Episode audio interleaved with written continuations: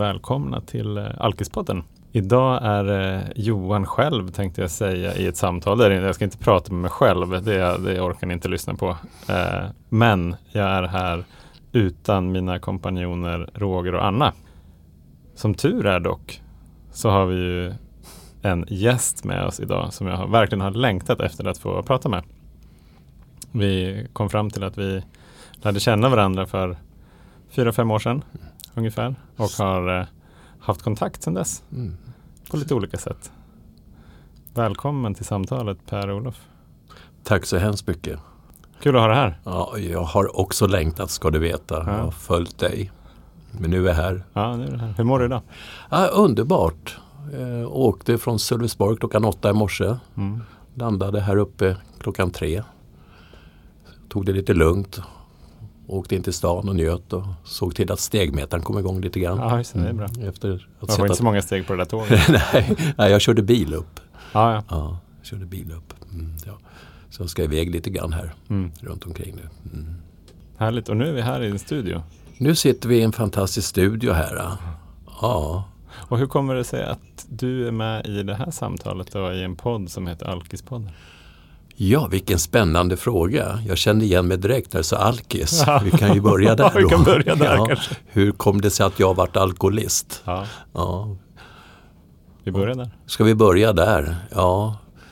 Ja, det var ju någonting som hände mig. Ja, du såg ju, du fick ju min bok då, då mm. Loser-syndromet, som jag skickade till dig. Det var ju en dröm som jag hade att skriva en bok men jag är väldigt dålig på att skriva och uttrycka mig i text. Vilket är kopplat till just min livsresa. Då. Det var en väldigt bra bok säga. Det var så? Ja. ja, ja. Jag hade tur där att ja, det har ju också sin lilla historia. Eh, men okej, okay. jag, jag har skrivit mycket när jag varit ute och rest och, och sådär och varit på hotell. Och sen kom jag i kontakt med en, eh, min medförfattare Elisabeth Grek. Mm. Hon var också medförfattare till boken Vi begravde våra barn. Hon förlorade sin son Björn 20 år gammal. Mm. Inte på grund av drogerna han gick på utan på medicinerna läkarna skrev ut. Mm. Och henne hade jag ner till Sölvesborg som föreläsare. Och hon hade mycket frågor och tankar. Jag kände igen mig så mycket i Björn. Mm. Som jag delade med mig till henne så vi fick en, en bra relation.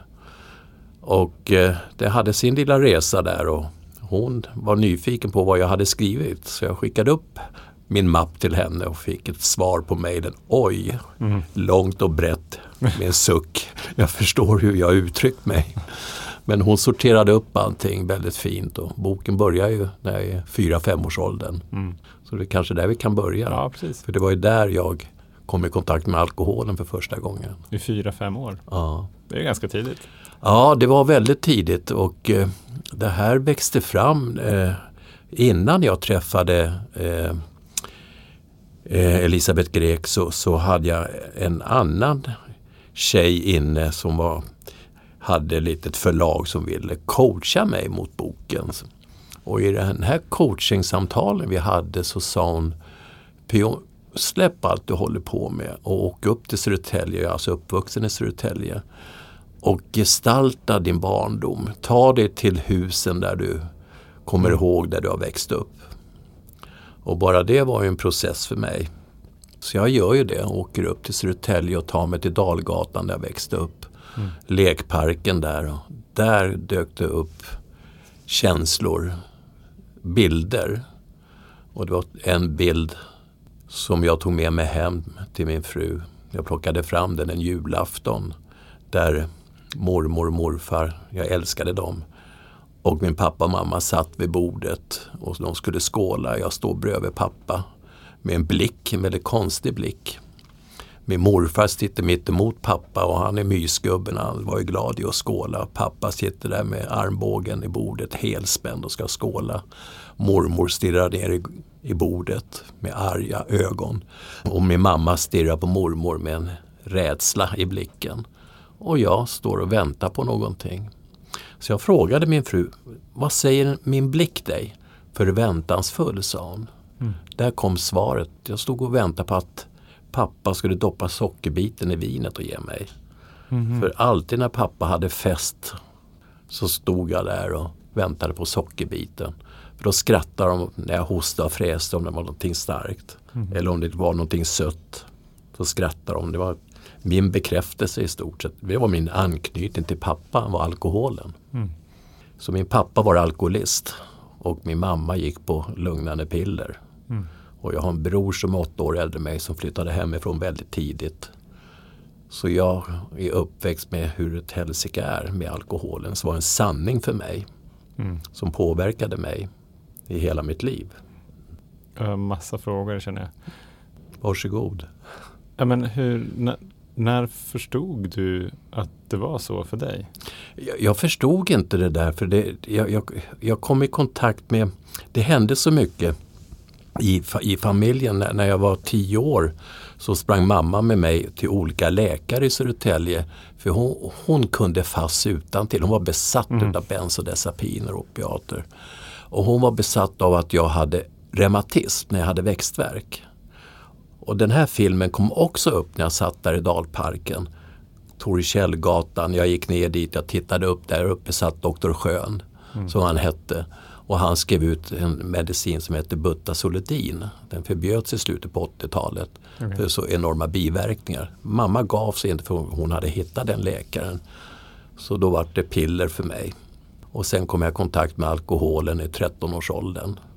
Okej, Med- så din, din mamma ville att du skulle ha piller? Ja, precis. Mm. Mm. Så jag, det var så naturligt på något sätt. Mm. Och det som hände innanför väggarna som gjorde att jag inte hade någon inre tillit. Vi flyttade upp till Avesta för pappa fick ett kanonjobb på Avesta järnverk. Där han reste världen runt. Och mamma jobbade. Och jag började första klass där uppe. Och jag fick gå om andra klass. På grund av att jag hade fått ett stort C och ett BC. Och det stora C det fick jag i svenskan. Och vad hände innanför väggarna där med mamma och pappa? Jag var ju inte värd någonting medan min bror var ju den som var hjälten, hade kontroll på familjen, var väldigt duktig. Mm. Och som det har gått väldigt bra för i livet. Mm. Okej, det var några år där uppe, sen flyttade vi tillbaka till Södertälje för mamma orkade inte vara kvar i Avesta. Med allt det som hände när pappa kom hem och sånt där. Mm. så jag, ja, och det var där allting började hända. Jag har varit mobbad, utanförskap. Kallade mig för tomaten i klassrummet för jag var så rädd för att få frågor utav läraren och sådana där saker. Mm. Jag hade ingen inre tillit eller trygghet. Det enda jag hade var att jag tog mig ner till fotbollsplan. Det var det enda jag gjorde där jag tyckte var roligt. Mm. Ja, så var det på den tiden. Hur gammal var du då? då? Då, är vi tillbaka lite grann, vi kan väl säga, eh, började då i, i fyran i Södertälje, fyran, femman. Och eh, sexan, sjuan, åttan. Ja.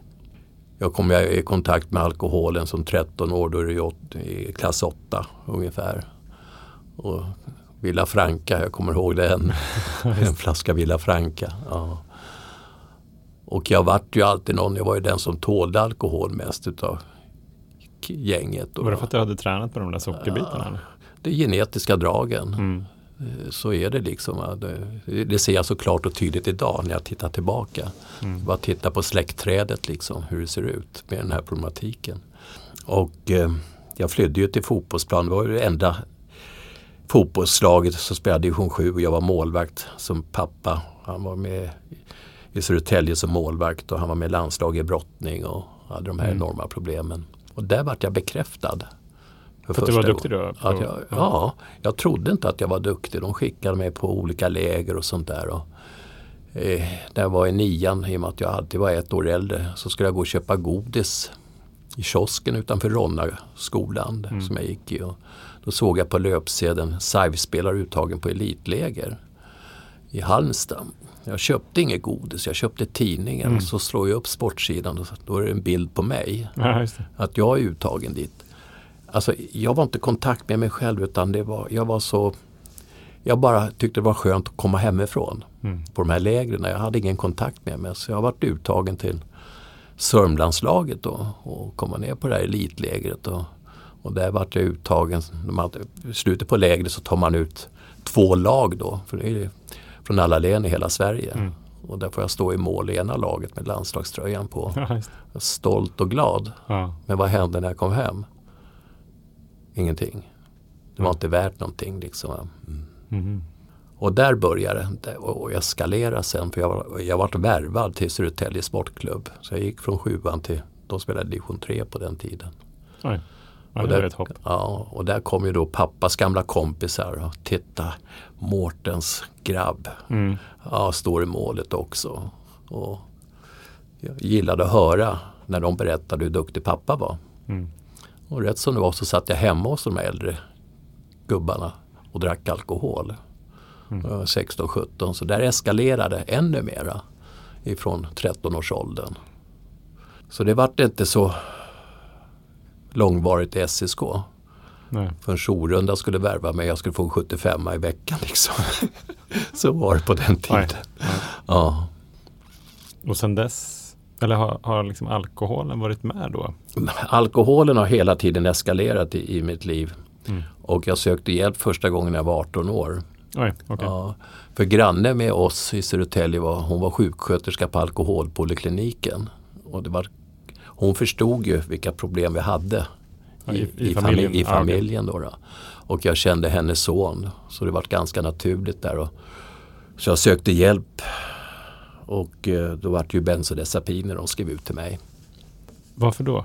Därför jag hade ångest och sådana där saker. Mhm. Det var inte för att du drack? Jo, jag drack för jag hade symptomen var ju ångest och, och sådana där saker. Ja, det. Det, det låter ju helt bakvänt. Ja, men när så ser det ut fortfarande. Ja. Okej. Så jag fortsatte ju att dricka och de försökte ju med antabus och jag drack ju på antabussen också. Mm. Jag ljög när jag kom dit. Och, och eh, i samband med det här så gjorde jag lumpen Mm. året efteråt och då utvecklade ett självskadebeteende. Så dåligt mådde jag psykiskt. Jag kommer så väl ihåg när vi har lektion och kapten ropar högt 3406 Mårtensson, vad håller du på med? På den tiden hade jag ju långt krulligt hår. Papiljotter var det på den tiden. jag hade så strimligt hår. Och mustasch. Ja. Och där hade jag sett att gått in i min bubbla och slitit bort brända hårstrå i mustaschen så det rann blod Oj. från läppen. Och där sökte jag hjälp. Då kom opiaterna in i bilden. För jag skadade mig själv när jag spelade ishockey då, och fotboll. Jag utsatte mig i situationer för att komma till, till doktorn i stort sett. Mm. Ja, det, jag, jag har beställt hem läkarjournalerna från 70-talet och det, det är inte roligt att se. Jag, jag eldade upp dem efter när boken kom. Ja, okej. Mm. Jag har en bild av allting. Men v- var det, var det också för att du inte kunde dricka på samma sätt när du gjorde lumpen?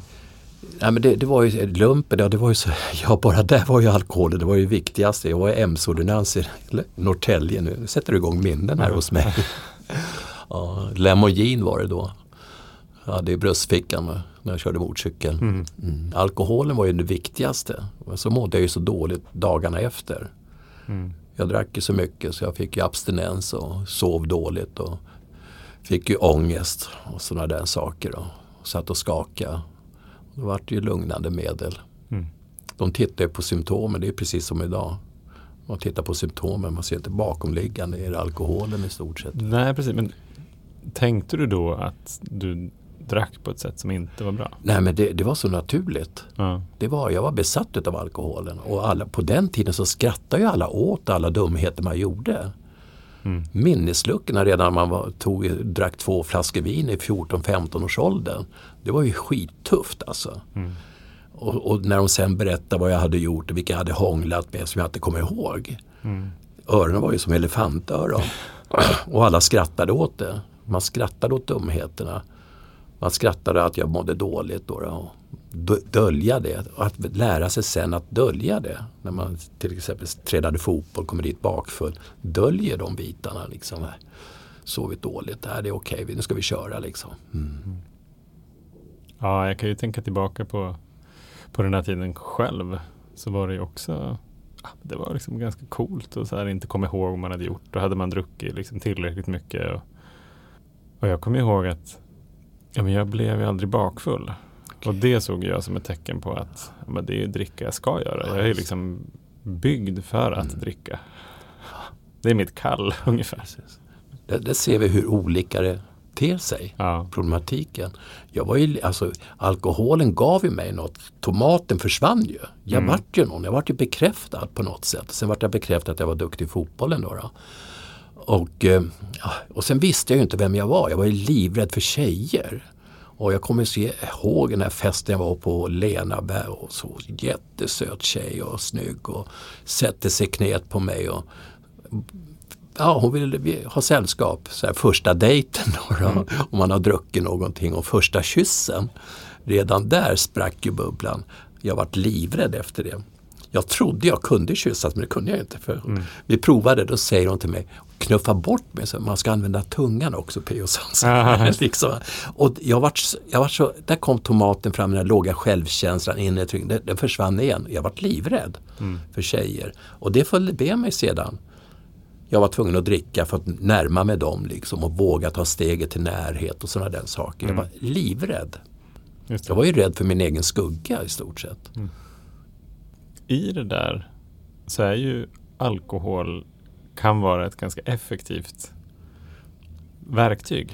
Ja, alltså, det var ju effektivt för det var ju också den här doktor Söderling på, var min mentor, Stig Lindqvist då, då, som jag träffade. Vi kommer väl till honom lite senare. Han gav mig ett, ett papper där det stod doktor Söderling, han var också nykter alkoholist. Sveriges roligaste folksjukdom var rubriken. Mm. Mm, hur kul vi har med alkoholen. Och det kan vi ju bara titta, visst gjorde jag dumma grejer som man skrattade åt. Mm. Galna saker. Lumpen till exempel. MC-ordinans, vi skulle upp till eh, Sundsvall till LV5 och, och, fördjupa oss i en MC-skola som de hade där uppe. Och sen eh, skulle vi till Storlien för då, skulle vi koppla på skidor och åka i snö. Och vilka träffade jag där i Storlien då? Ja men det var ju killar som kröka. Ja, och vad hände när spriten tog slut? Som jag har varit livrädd för i över 20 år. Det var att vi åkte in i Norge med militärklädd eh, militärmotorcykel och åker in två mil i Norge för att hämta hembränt. På småvägar. Mm. Eller då Ja. skrattade man så sen vart det en känslig hemlighet. Liksom, trycka ner trauma liksom, Ja, kring ja, det här. absolut. Tills jag fick fråga en advokat, tror du att det här är borta nu? Mm. Ja, det är nog preskriberat, så. Ja, så kan man skratta åt det. Dumheter som hänt. Ja. Och nu sätter du igång tankar hos mig. Det, det som lät som en så bra idé då. Vad sa du? Det som lät som en så bra idé då. Ja, att åka just. två mil in i Norge och Ja, hämta hem då, då var det en lösning liksom. Ja, mm, då var man kungen. Liksom. Men kom vi tar min militärmotorcykel och åker in. Men vad heter det, hur, eh, hur länge var alkoholen med dig som lösning? Den har varit med tills jag tog med behandling 95. Den Mm. har alltid varit med. Det var det viktigaste, alkoholen. Bensodiazepin och opiaterna var ett komplement. Mm. Som har varit värre och värre eh, i livsresan om det idag när jag ser tillbaka. Ja. Hur var det där då mot, mot slutet där, ja, början 90-talet och framåt 90-talet? Ja, det, det hände ju så otroligt mycket. Jag, det, min värsta kris kan vi säga började, jag varit av med jobbet eh, 79-80. Mm. 79. Jag började som att jobba på Ops i Södertälje. Sen vart jag värvad till Cloetta som försäljare. På den tiden så hade jag eh, söder, södra Stockholm hade jag ansvar för, för tobaksaffärer, bensinstationer och man sålde godis i fruktbutikerna då också, sådana här mindre affärer. Och sen eh, där eskalerade alkoholen för det var väldigt mycket på konferenser och sådana där saker. Ja. Så när det började hetta till där när de såg hur jag betedde mig, ja men då sa jag upp mig och hade hittat nytt jobb. Så var jag på ett företag som heter Procter Gamble. Vi sålde gästdiskmedel Mm, och tag och gör. Där vart jag eh, också, ja, hände otroligt mycket saker. Som, ja alltså det, det, det, idag så tänker jag efter vad, vad, vad är det jag gjorde egentligen liksom. Och, men jag vart av med körkortet här i Stockholm och på fyllan. Och sen vart jag, jobbade jag med Finish Maskindiskmedel och eh, fick sparken där. De kom hem och hämtade bilen helt enkelt i Södertälje. Då hade jag Mm. tappat all kontroll och det var alkoholen och de, som var boven till det. Och då kom jag ju in mera in inom eh, opiater och bensodiazepiner som hade eskalerat. Och när man är i den fasen, antingen hamnar du i den kriminella världen eller också inom psykiatrin. Mm. Och min bror han eh, var ju socialsekreterare inom missbruk på, i Huddinge kommun då, så han jagade ju mig och, och sådana där saker. Och fick in mig på Danderyd, psykiatrin. Mm. Och vad han, han, han, visste ändå då hur det var? Ja, han visste ju hur det var. Liksom, ah, okay. Och det var ju ännu mera mediciner. Liksom. Just det, psykiatrin är mediciner. Ja. ja. Mm. Det var inte så mycket behandling då? Eller? Nej, det var piller. Mm. Piller var det. Så jag gjorde min första behandling 1980. Ah, okay. Då hamnade jag på ett behandlingshem, eller en tork kan man säga. Mm. En tork i, i Järvsö. Jag var 28 år gammal och jag var yngst där. Mm. Och det var det, två, det bästa som hände på dagarna. Det var när sjuksyrran öppnade medicinluckan på morgonen och på kvällen och delade ut mediciner plus de mediciner som fanns redan. Mm. Så jag var ännu sämre när jag kom därifrån efter sex månader. Och sen fortsätter det då till 95 eller? Ja, om vi säger så här att när jag kom därifrån Järvsö, jag tar mig hem till, till Södertälje, då hade SOS kommit in i bilden. Och jag var så introvert så, och, och sjuk, psykiskt sjuk i det här så jag hade hängt för filtar för fönstren. Jag var rädd för ljud och ljus. Jag hade bäddat badkaret med en madrass och kudde, hade vattenkranen på 24 timmar om dygnet. Där inne bodde jag och hade låst dörren till toaletten fast jag var ensam i lägenheten. Mm. Och det var bara socialsekreteraren som hade nyckel dit. Hon kom och matade mig. Mm. Ja, där inne i badrummet? Ja, ja, det var så. Ibland kröp jag ut och kröp jag. Jag vågade inte gå upp. Jag var rädd för ljus och ljud och allting sånt där. Så jag har en svart lucka där faktiskt. För någonting hände. Eh, jag vet inte riktigt vad det är. Det är väl fortfarande trauman som är, ligger där. Men jag fick hjälp med att börja gå ut och, och sen hjälpte de mig att göra en ansökan till Vimmerby folkhögskola. Så jag åker ner dit själv, mm. 81. Och eh, jag minns väl det, socialsekreteraren och min övervakare kör ner mig till Södertälje Södra och visar att jag ska på ett A4-ark skriver de Linköping, kliv av, mm, ta nästa tåg med nummer till Vimmerby. Ja, så fick han på sig Valium då. Mm. Ja. Och jag gjorde det, tog mig dit.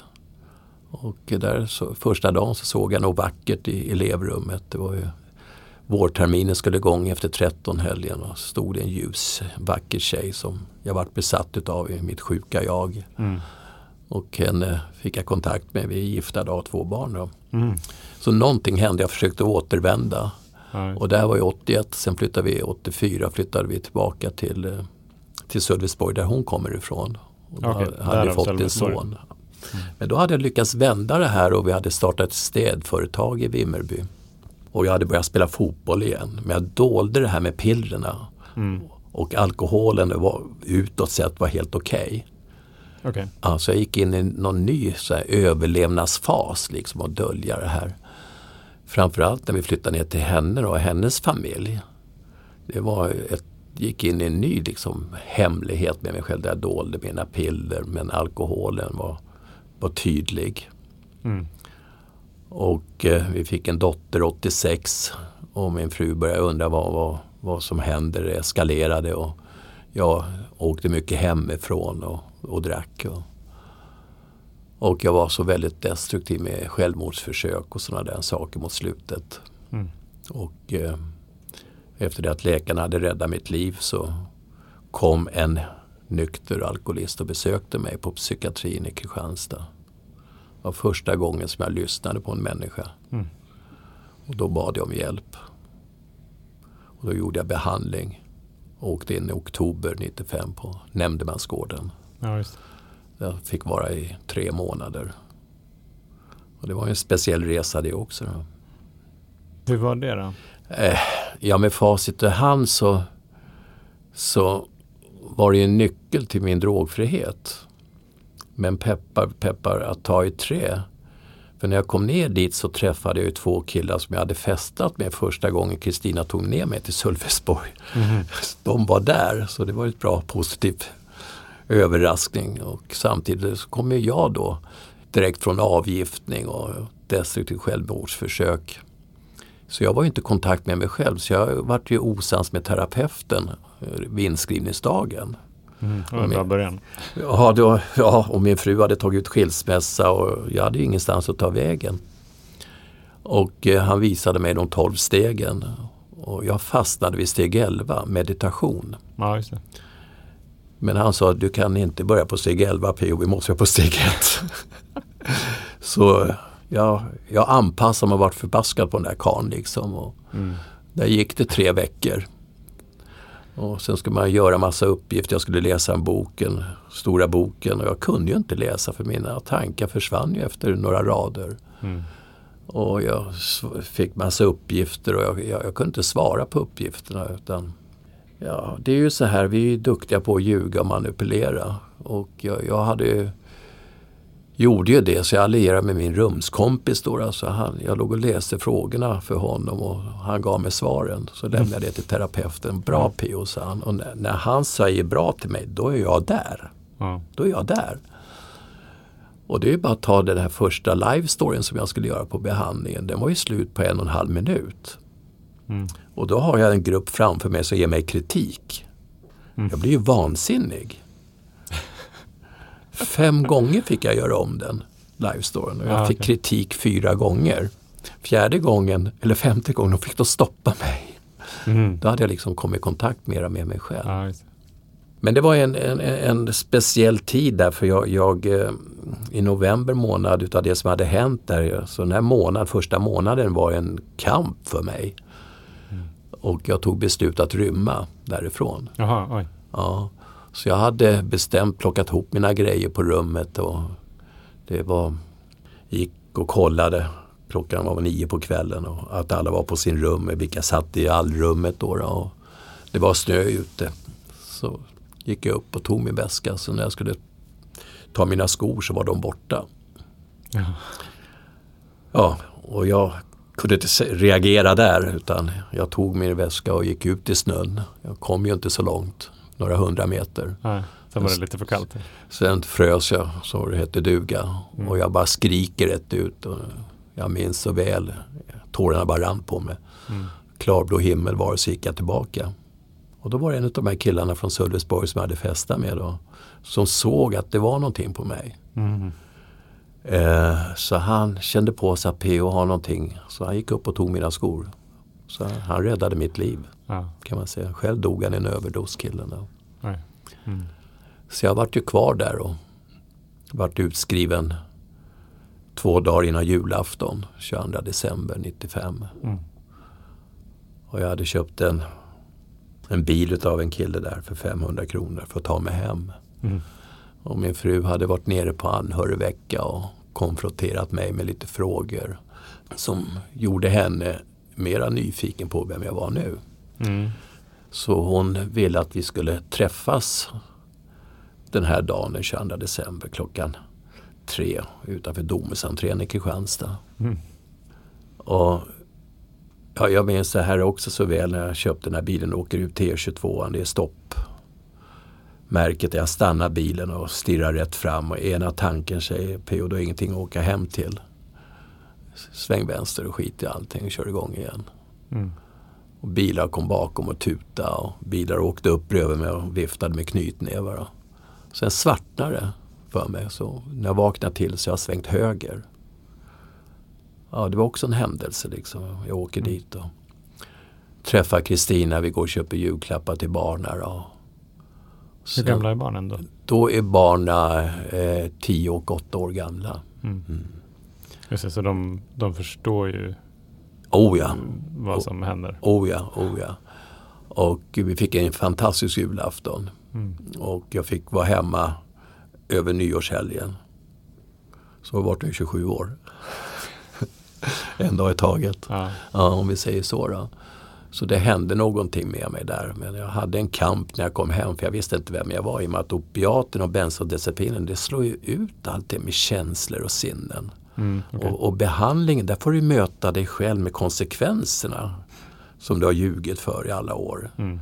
Konsekvenserna pappa, min mamma skilde sig, pappa hängde sig efter en fest med sina bröder. Då var jag full, liksom påverkad.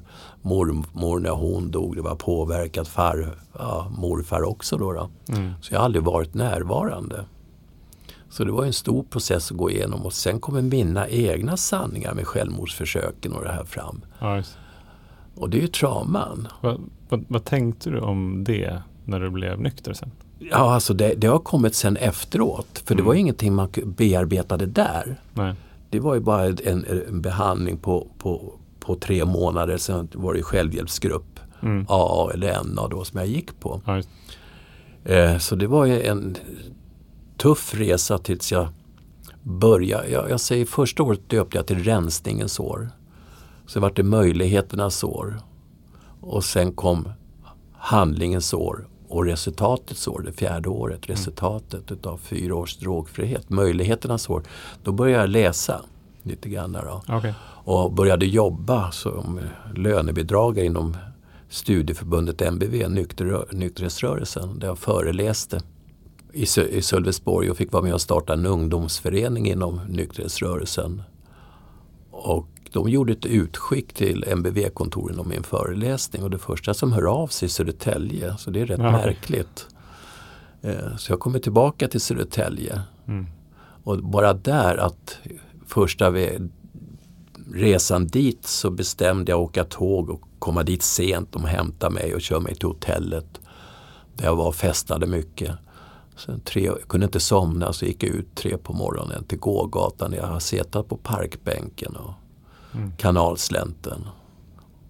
Och det var viktigt för mig. Det var liksom en återkoppling till mitt helvete. Mm. Jag var tvungen att möta mig själv. Jag kan ju tänka mig att det var jobbigt.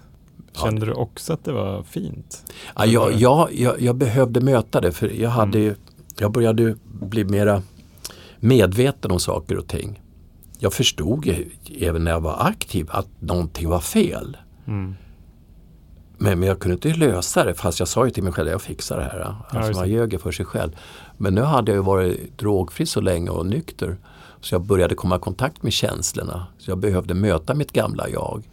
Och det var lite grann som jag också hade några runt omkring mig som har gått före då, då och berätta hur viktigt det är att möta det här lilla, lilla PO, lilla Lollo som de kallar det. Då. Mm. Men jag visste inte hur man skulle göra så det var ganska naturligt. På det sättet. Mm. Att göra upp med det förflutna. Ja. Men, och jag, jag tänker ganska ofta på det där. Det är någonting som vi jobbar med när vi jobbar i stegen. Att ehm, gå igenom våra liv, göra en sån här, göra en självrannsakan och se, se allt, tänkte jag säga. Det gör vi ju aldrig, men, men se mycket i alla fall av det som vi inte har sett. Och det slår mig väldigt ofta att så här, det där är någonting som det är väldigt få människor som tränar på utanför. Mm. Det är ingen, jag, känner, jag känner nog ingen som har haft det där med sig naturligt. Precis. Eh, och därför är det också så svårt att ha de här samtalen. Alltså när vi mår dåligt. Eh, vare sig det är i rollerna som eh, chef eller medarbetare eller partner eller anhörig eller vän. Ja, jag förstår det. Jag är ju väldigt känslomänniska Mm. och jag är väldigt glad och tacksam över det. Och jag är väldigt tacksam över att jag får träffa de här människorna i min nya väg framåt. Som du, nyckelpersonerna som stod i boken. Eh, jag kom upp till, till MBV i Södertälje och fick föreläsa där, göra upp med mig själv. Mm. Gå på gågatan och knarkaren hoppar ut från Domusentrén. Hallå Mårten, vad fan har du varit liksom? Ja, jag kände igen dig. Ja, sådär va. Hur, Ja. hur många år var det mellan? Oj, då, det, var ju, det måste ha varit ett 10-12 år emellan liksom. Ja, från det jag kom ifrån Södertälje då. Mm. Och allt som blommade upp där, dynamiten inne i lägenheten, amfetaminet som låg inne i dammsugaren och de här killarna som var med. Och allt jag ställde till med, eldade upp i, nere i källaren, mina album och allt det här destruktiva. Mm. Det är ju trauman. Och det, jag kan bara gå till mig själv i min resa liksom. Hur, jag säger, vilken tur jag haft för jag träffade eh, via MBV Södertälje, Junis Duse som hon hette, kände en man som jobbar med de här frågorna på Scania Södertälje. Mm. Och han vart nykter hos Johan Liljenberg på Huddinge sjukhus i tolvstegsprogrammet i mitten på 80-talet. Och han var alkohol och drogterapeut och jobbar med de här frågorna i Scania hela Sverige med deras policy och rehabärenden. Mm. Och han sa också att det är väldigt viktigt att vi hittar individanpassad behandling PO. Så alla är vi olika att komma i kontakt med, med känslor och sinnen. För vi har mycket med oss från våra anhöriga också. Mm. Så är det ju. Jo, jag kan bara gå, gå till mig själv. Så Stickan var en, en nyckelperson i, i, min förändring och rundade av mig och mm. mötte mig i min utvecklingsresa för hela programmet, tolvstegsprogrammet. Ja, jag säger det, jag har aldrig setat här. För jag tog mig till A när jag mådde som sämst hemma. Och jag vart ärligare mot mig själv i och med att jag öppnade upp mig själv. Mm. Men samtidigt så var jag så jävla sjuk i mitt eget beteende för jag satt ju och retade mig på de andra som hade lång nykterhet och så här. Avundsjukan och harmen fanns ju där. Och de kom och klappade om mig. Ja men så där var det för mig också PO. Liksom vart ju det en bekräftelse på något sätt. Men, men när, jag ser tillbaka att eh, mycket utav traumabilderna som kom när jag coachade, hon som coachade mig med boken, jag åkte upp till Södertälje när jag ändå haft då, över 20 års drognykterhet, mm. att komma i kontakt med, med trauman. Och det kan dyka upp saker och ting även nu. Alltså på något sätt den här coronakrisen till exempel har gjort att jag har varit mera hemma.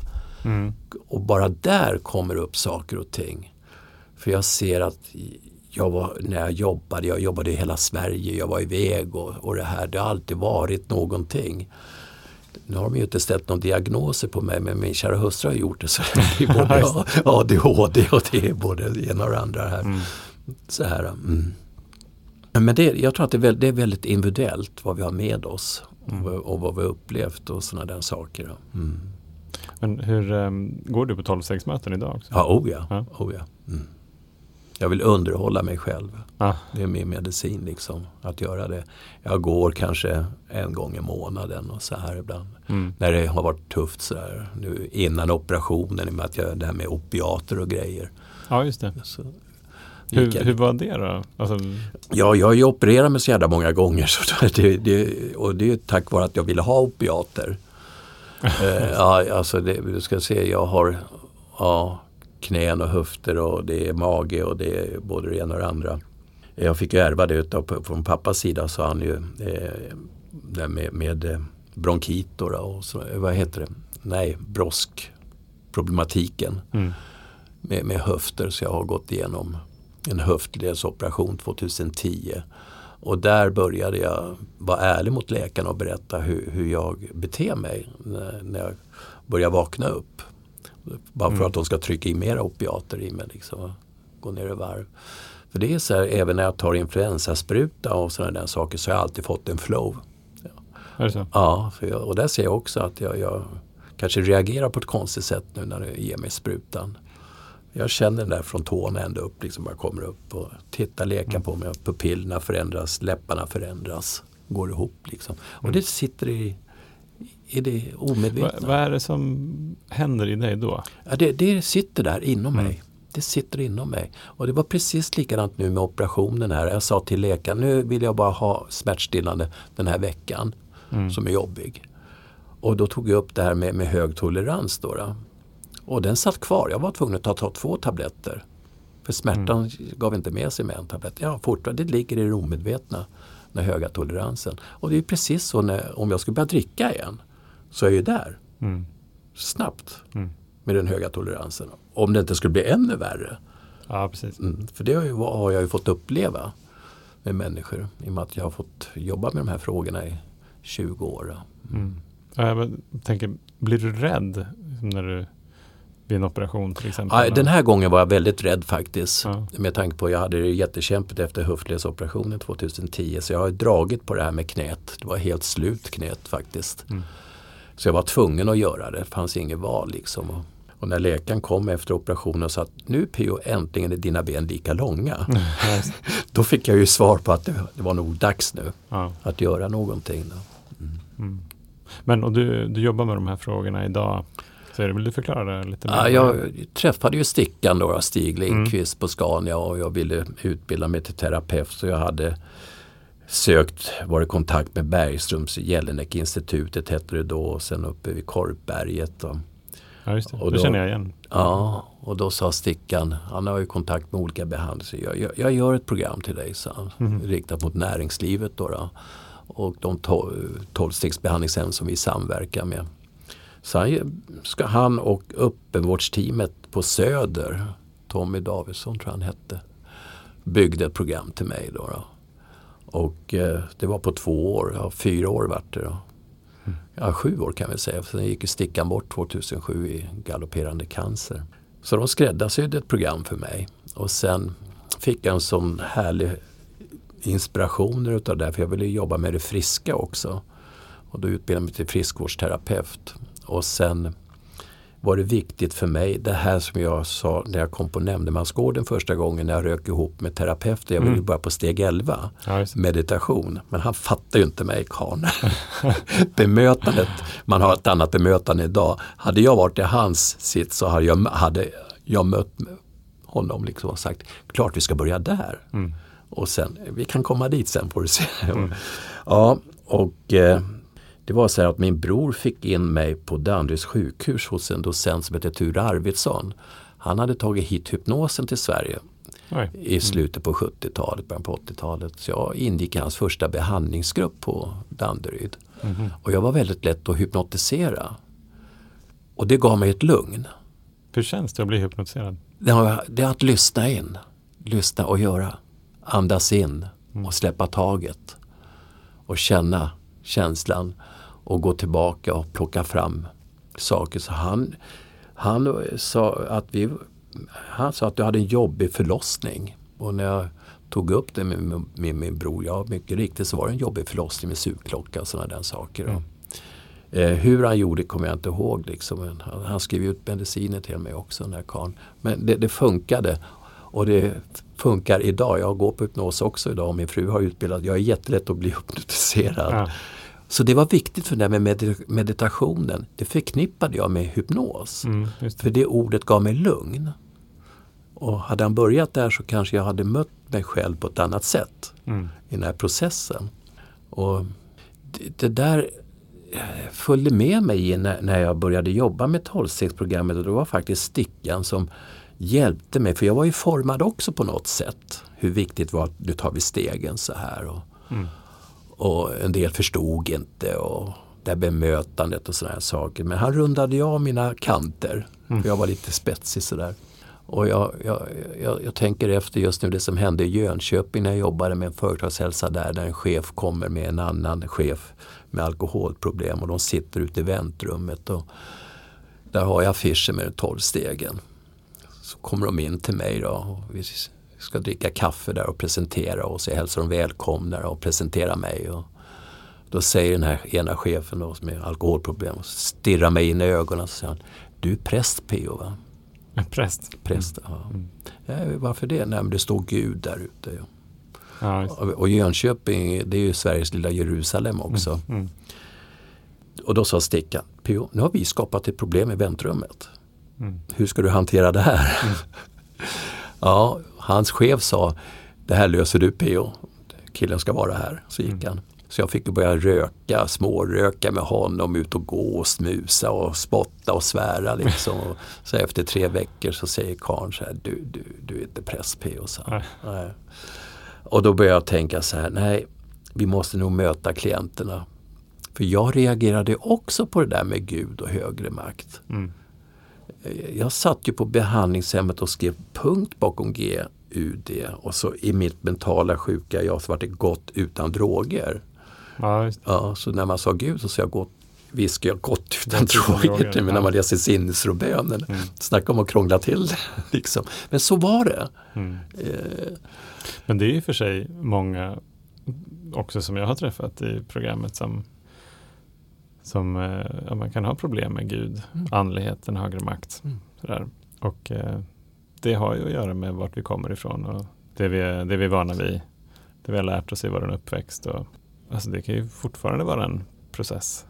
Ja, det är en process och jag tog det på allvar när Stickan sa att nu har vi faktiskt skapat ett problem i väntrummet. Mm. Så det åkte bort därifrån. Sen dog Stickan hastigt, han fick galopperande cancer.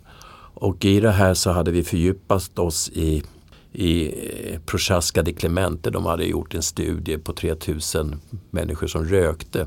Vad som hände när man tog bort cigar eh, cigaretterna, mm. nikotinet. Mm. Då händer ju saker och ting. Det heter change, förändringsprocessen. Och eh, det är ju samma här, vi ska ta bort drogen, alkoholen. Så det tar ju tid att komma i kontakt med sig själv. Mm.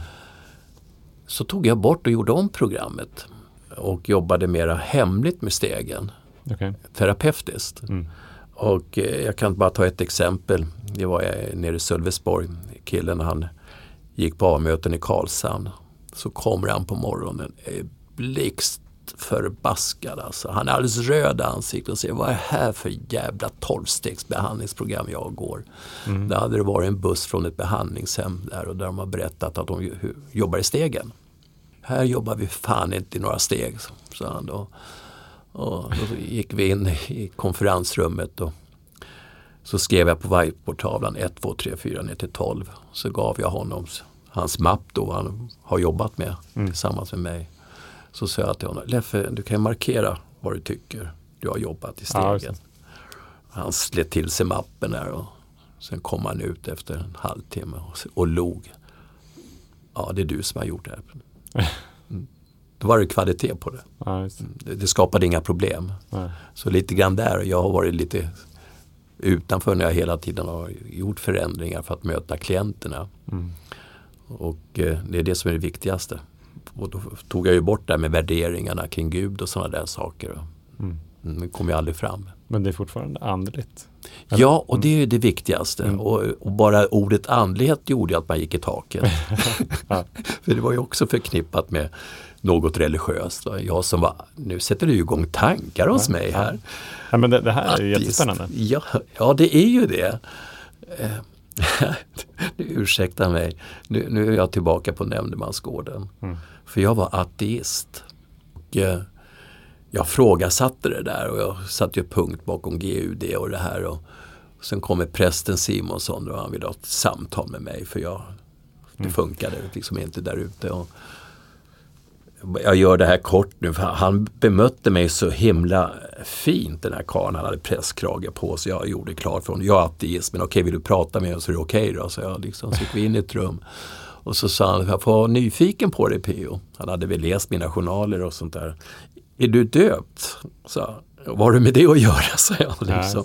Ja, men då visst jag döpt i en kyrka utanför Södertälje, Tveta kyrka. Okej, okay, en kyrka, sa han. Men du kommer inte ihåg så mycket därifrån? Nej, nej. Är du konfirmerad då? sa han. Ja, men det gjorde jag bara för att jag skulle få guldklockan. men den har jag pantat på Söder. Ja. Okej. Okay. Eh, är du gift? sa han. Så vart jag tyst där och, och mm. två gånger. Ja. Är du kyrkan? Präst och så här?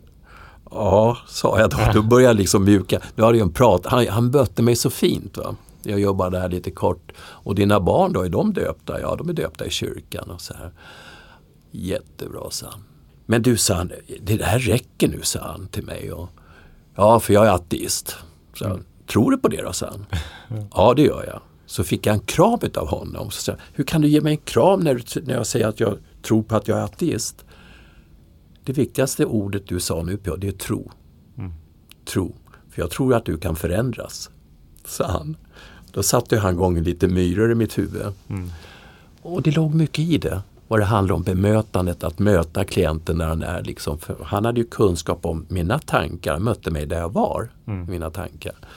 Och sen när jag kommer hem då, där med andlighet hade jag svårt att ta till mig. Så såg jag ett tv-program, det var filosofer i Lund som satt och skojade om ordet andlighet. Var det kom ifrån? Mm. Ja, det är nog från andas, sa en. Att andas. Kan det vara så? Så höll de på med varandra där. Ja, vi kan ju prova att hålla andan i tio minuter allihopa mm. här får vi se vad som händer. Mm. Ja, det är nog inte så roligt, sa den då. Att andas, hur mår du då när du andas och så här går ut i naturen och ser det fina, sinnena kopplat till andningen. Mm. Ja, det är andligt. Det som jag har runt omkring mig, det jag gör är andligt. Så tänker jag idag. Liksom. Ja, det kom ju till mig ganska snabbt när jag väl varit medveten om det på det här sättet. Att andas och se saker och ting. Och att jag gör saker som jag mår bra av som det inte blir konsekvenser av till mina nära och kära. Det var ju fint det där att koppla ihop sinnena tycker jag. Ja, det får jag tacka Stickan för. Det var ju ja. det var smart. Och det, det, är ingenting som är egentligen något konstigt eller eh, någonting som är uh, onaturligt för oss. Nej, det snarare är när vi är, tillåter oss själva att vara ja. människor. Ja, exakt. Känna efter, mm. låta både tanke och känsla mm. vara, vara där. Att vara där. Ja. Och det var faktiskt Stickan som, som sa det när, när vi började göra vårt behandlingsprogram. Han gjorde mycket med färger. Mm. Och det sätter igång tankar liksom, och sätter igång sinnena också hur, hur du bemöter så, individerna så att säga. Mm. Ut och gå, visa det här fina som finns i naturen. Uppleva mm. sinnena. Det, det, är fortfarande jätteviktigt för mig att uppleva det. Mm. Hur jobbar du idag då med ditt tillfrisknande? Hur, du har varit nykter sedan? Ja, det är 27 år nu. Då. Aj, wow. ja, ja. ja, det är ingen självklarhet. Jag är så otroligt tacksam. Jag bara ser tillbaka i, i mitt liv, det som har hänt. Jag har ju gått igenom kriser i, i livet och tuffa kriser som har kunnat fått mig att falla tillbaka med. Mm. Vi vart ju uppköpta här innan bolaget innan den ekonomiska krisen kom. Vi hade, hade jättefina avtal med stora koncerner och sådana saker. Och det var en stor koncern som köpte upp oss som gick i konkurs. Mm. Och som drog med oss. Och då var vi i Stockholm här. Kungsholmen hade vi verksamhet. Och jag tog över allting i ett enskilt bolag. Mm.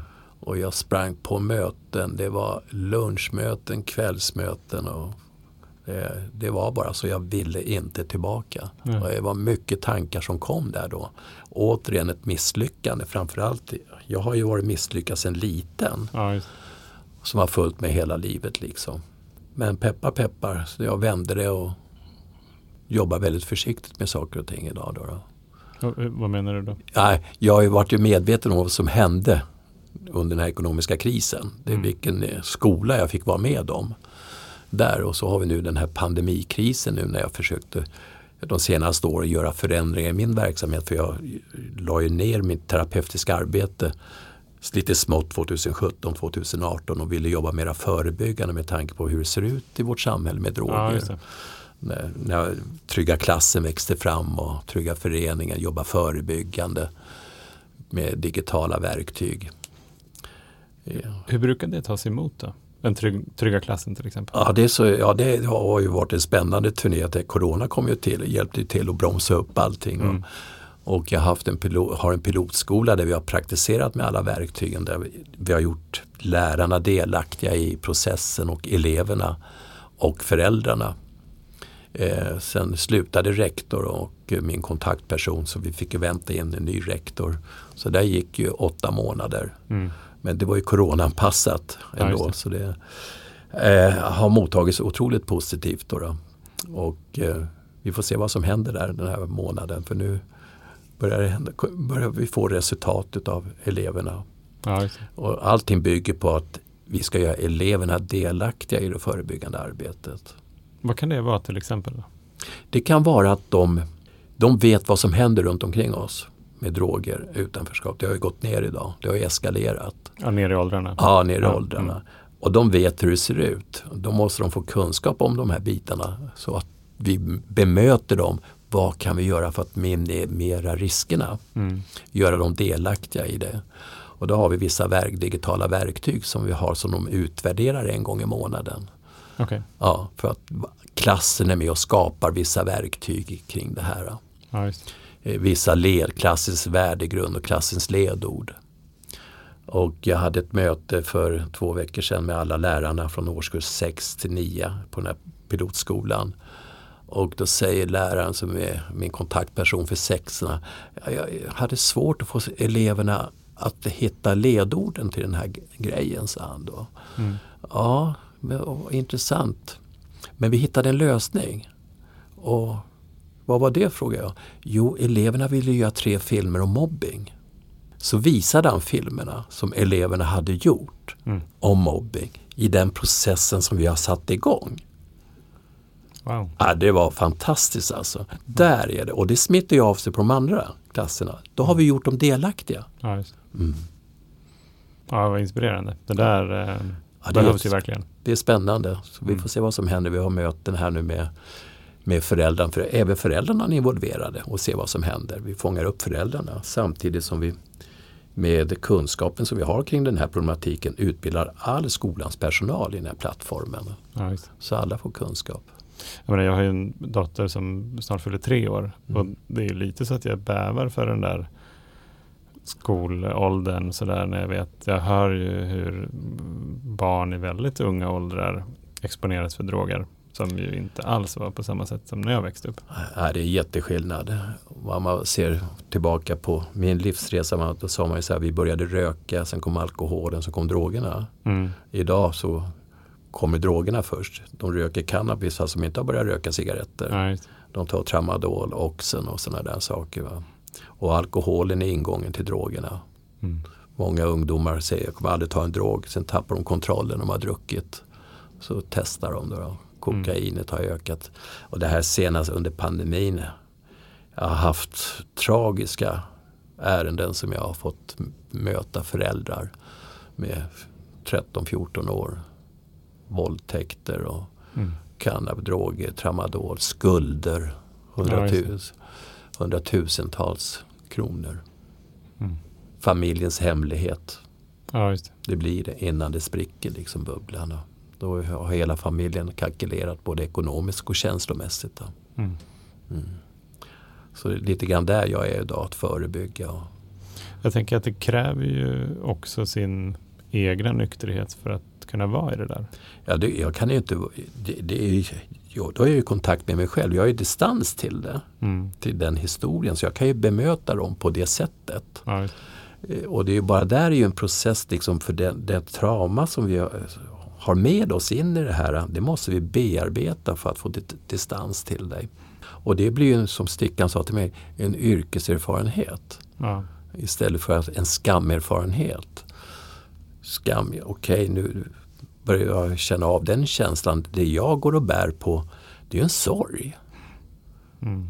med mitt gamla liv mot mina barn. Men det är den friska sorgen. ja. Den är fantastisk att ha. För titta, idag är jag både morfar och farfar till barnbarnen. Jag är Mm. delaktig i det. De är trygga med mig och min nykterhet. Mm. De dricker med det, jag bryr mig inte om det. Nej. Det är min allergi. Så vart liksom. Mm. För, för, för er som kanske då följer PO på Facebook så kommer det upp ganska mycket bilder här på målade ansikten med både tuschpennor och har varit Ja, du såg det sista barn. Ja, exakt. ja, det var inte första bilden. Nej, Nej. det var bara för någon vecka sedan. Mm. Jag var och hämtade barnbarnen och så sa ska vi åka och köpa, åka och fika på ett ställe. Nej, vi åker till Dollar Store och köper färg. Ja, ja. och de visste precis vad de skulle ha. Mm. Och det är väl underbart Mm. att få vara delaktig Ja, i den processen. Vad heter det? Om du kollar tillbaka då på de här 27 åren. Vad skulle du vilja säga till dig själv där 95? När du kliver in där på nämndemansgården. Och, Ja, jag, jag, är, jag, har ett starkt ord, mm. fast jag var som jag var då. Mm. Tacksam. Mm. Vägen till frihet. Eh, Jag berättade om det när jag skulle rymma då därifrån. Och jag går tillbaka med grejerna, slänger in på mitt rum, går ner i allrummet och ska ta en tidning som är på en pall. Jag välter pallen i min frustration med Mm. alla tidningar. Och jag, det var ju svart alltså, så jag blir vansinnig och slänger upp alla de här tidningarna igen. Sen tar jag en tidning och slår upp den och i min besatthet så fastnar mina ögon på det jag ser, en blomma som är så vacker. Mm. Och det var lotusblomman. Ja, det var där du såg den. Ja, precis. Så läste jag där hur den växer ner i Indien i grumligt vatten och går upp i sin makt. Då, då. Och där kommer lotusfärgerna fram, det gula, blåa, det gröna, då, naturen. Mm. Och sen har bladen ett skydd så smutsen rinner av. Det var ju alkoholen och drogerna då, och Ja, alla konsekvenser. Så det, det, det är min livsblomma. Så den där besattheten har förändrats till en tacksamhet. Att Mm. det som hände, hände. Och att Smedbert som gömde mina skor var en viktig nyckelperson. Och det lyfter jag fram i boken också. Mm. Smedbert, tack. Mm. Du räddade mitt liv. Plus alla andra människor som kom i vägen för mig. Som, Ja, exakt. ja, det har jag fått gjort. Jag har fått haft en fantastisk eh, utvecklingsresa inom IKEA-koncernen. Där jag har fått jobba både i Mm. Sverige och utanför Sverige. Här i Stockholm med en företagsläkare med jättespännande uppdrag med inom olika känsliga organisationer. Jag får Mm. inte säga namnen på Nej. dem och sånt där. Mm. Och det är en erfarenhet för att möta de här unga Mm. idag. Och föräldrarna. Att jobba med helheten. Det är en familjesjukdom. Mm. Mm. Ja, det är det verkligen. Mm. Jag tycker det var fint att du sa nyckelpersoner. Jag tänker att det är ju Men jag har ju flera nyckelpersoner i min, i min resa. Men, men det är ju inte förrän efter att jag blev nykter som jag har identifierat dem. Men många av dem har, har ju varit där innan också. Mm. Det var bara att jag inte såg det. Nej, precis. Mm. Eh, Det är att komma i kontakt med sig själv. Ja, Det är då du kan se det viktiga. När, när du värderar dig själv lite grann så blir stegen du inventerar dig själv. mm, Våga titta utanför. Hur kommer det sig att du Stickan, ja han fanns där, han trodde på mig. Den där personalchefen som slutade på ett företag utanför Sölvesborg och fick ett jobb på Ikea och Sweden. mm, Fick ett uppdrag, han kontaktade mig, han trodde på mig. just. Mm. Där. Mm, Och där kunde jag själv växa i min personlig, från min resa. Att möta människor i olika form, ja, positioner. Då, då. mm. Det, är, det är väldigt intressant och kraftfullt egentligen för att det är ganska få sådana mänskliga relationer vi behöver för att göra en väldigt, väldigt stor påverkan i Ja. någon annans liv. Exakt. Mm. Nej, Både, både i vårt eget liv men även andras Exakt. såklart. exakt. Och det är där jag har haft en sån otrolig tur att träffa de här människorna i bemötandet och Mm. Eh, utvecklat och internutbildat mig. Och jag har en fru som är väldigt duktig på de bitarna. Som ja, gått sin väg och där har jag kopierat vissa bitar. Och så här. Det blir ju så som man Mm. Ja, känner absolut. mig av. Så jag har ju ingen akademisk utbildning på det sättet utan jag har ju en skola som jag ja, gled igenom Mm. kan man säga, en yrkesskola. Vilket också bär med sig mina svagheter då, att skriva och uttrycka mig i text och sådana där saker. Ja, det har blivit bättre sedan jag började läsa böcker. Mm. Jag har ju bara läst tre böcker tidigare i mitt liv och det var ju körkortsboken. Mm. Och så köpte jag Zlatan-boken när den kom Ja, ut. Ja. Så nu läser jag rätt mycket böcker faktiskt om Ja. historia och sådana saker. Och då har jag märkt att jag, att jag kanske kan uttrycka mig på ett annat sätt och sådär. Mm. Ja, så är det. Vi kan inte vara bra på allt. Nej, precis. Nej. Nej, men det, äh, jag tar med mig mycket från det här samtalet. Jag tänker just på det att vi inte vet vem eller vilka vi har möjlighet att få vara nyckelpersoner för. Ja. Som vi träffar i våra liv. Och några av de här tillfällena går oss förbi för att vi inte är närvarande. Exakt. Och andra tar vi tag i för att vi har möjlighet att vara där. Men det är för att vi har tagit hand om oss själva. Exakt. Och det är så viktigt. Mm. Att vi kan hantera vår historia på rätt sätt till andra. Mm. Att förmedla det på rätt sätt. Mm. För alla de andra vi möter, de är olika. Ja, exakt. Och har sina resor liksom. Ja, där man får vara lite försiktig och smyga in. Ja, precis. Ja, men en av mina nyckelpersoner är ju Linus som var då vd för Cordial men nu styrelseordförande och det är på det kontoret vi sitter och spelar in den här podden. Ja, precis. Du ser. Ja, Och det var ju för att han var i kontakt ja, med sig själv. ja precis. Mm. Ja, det är så otroligt viktigt. Mm.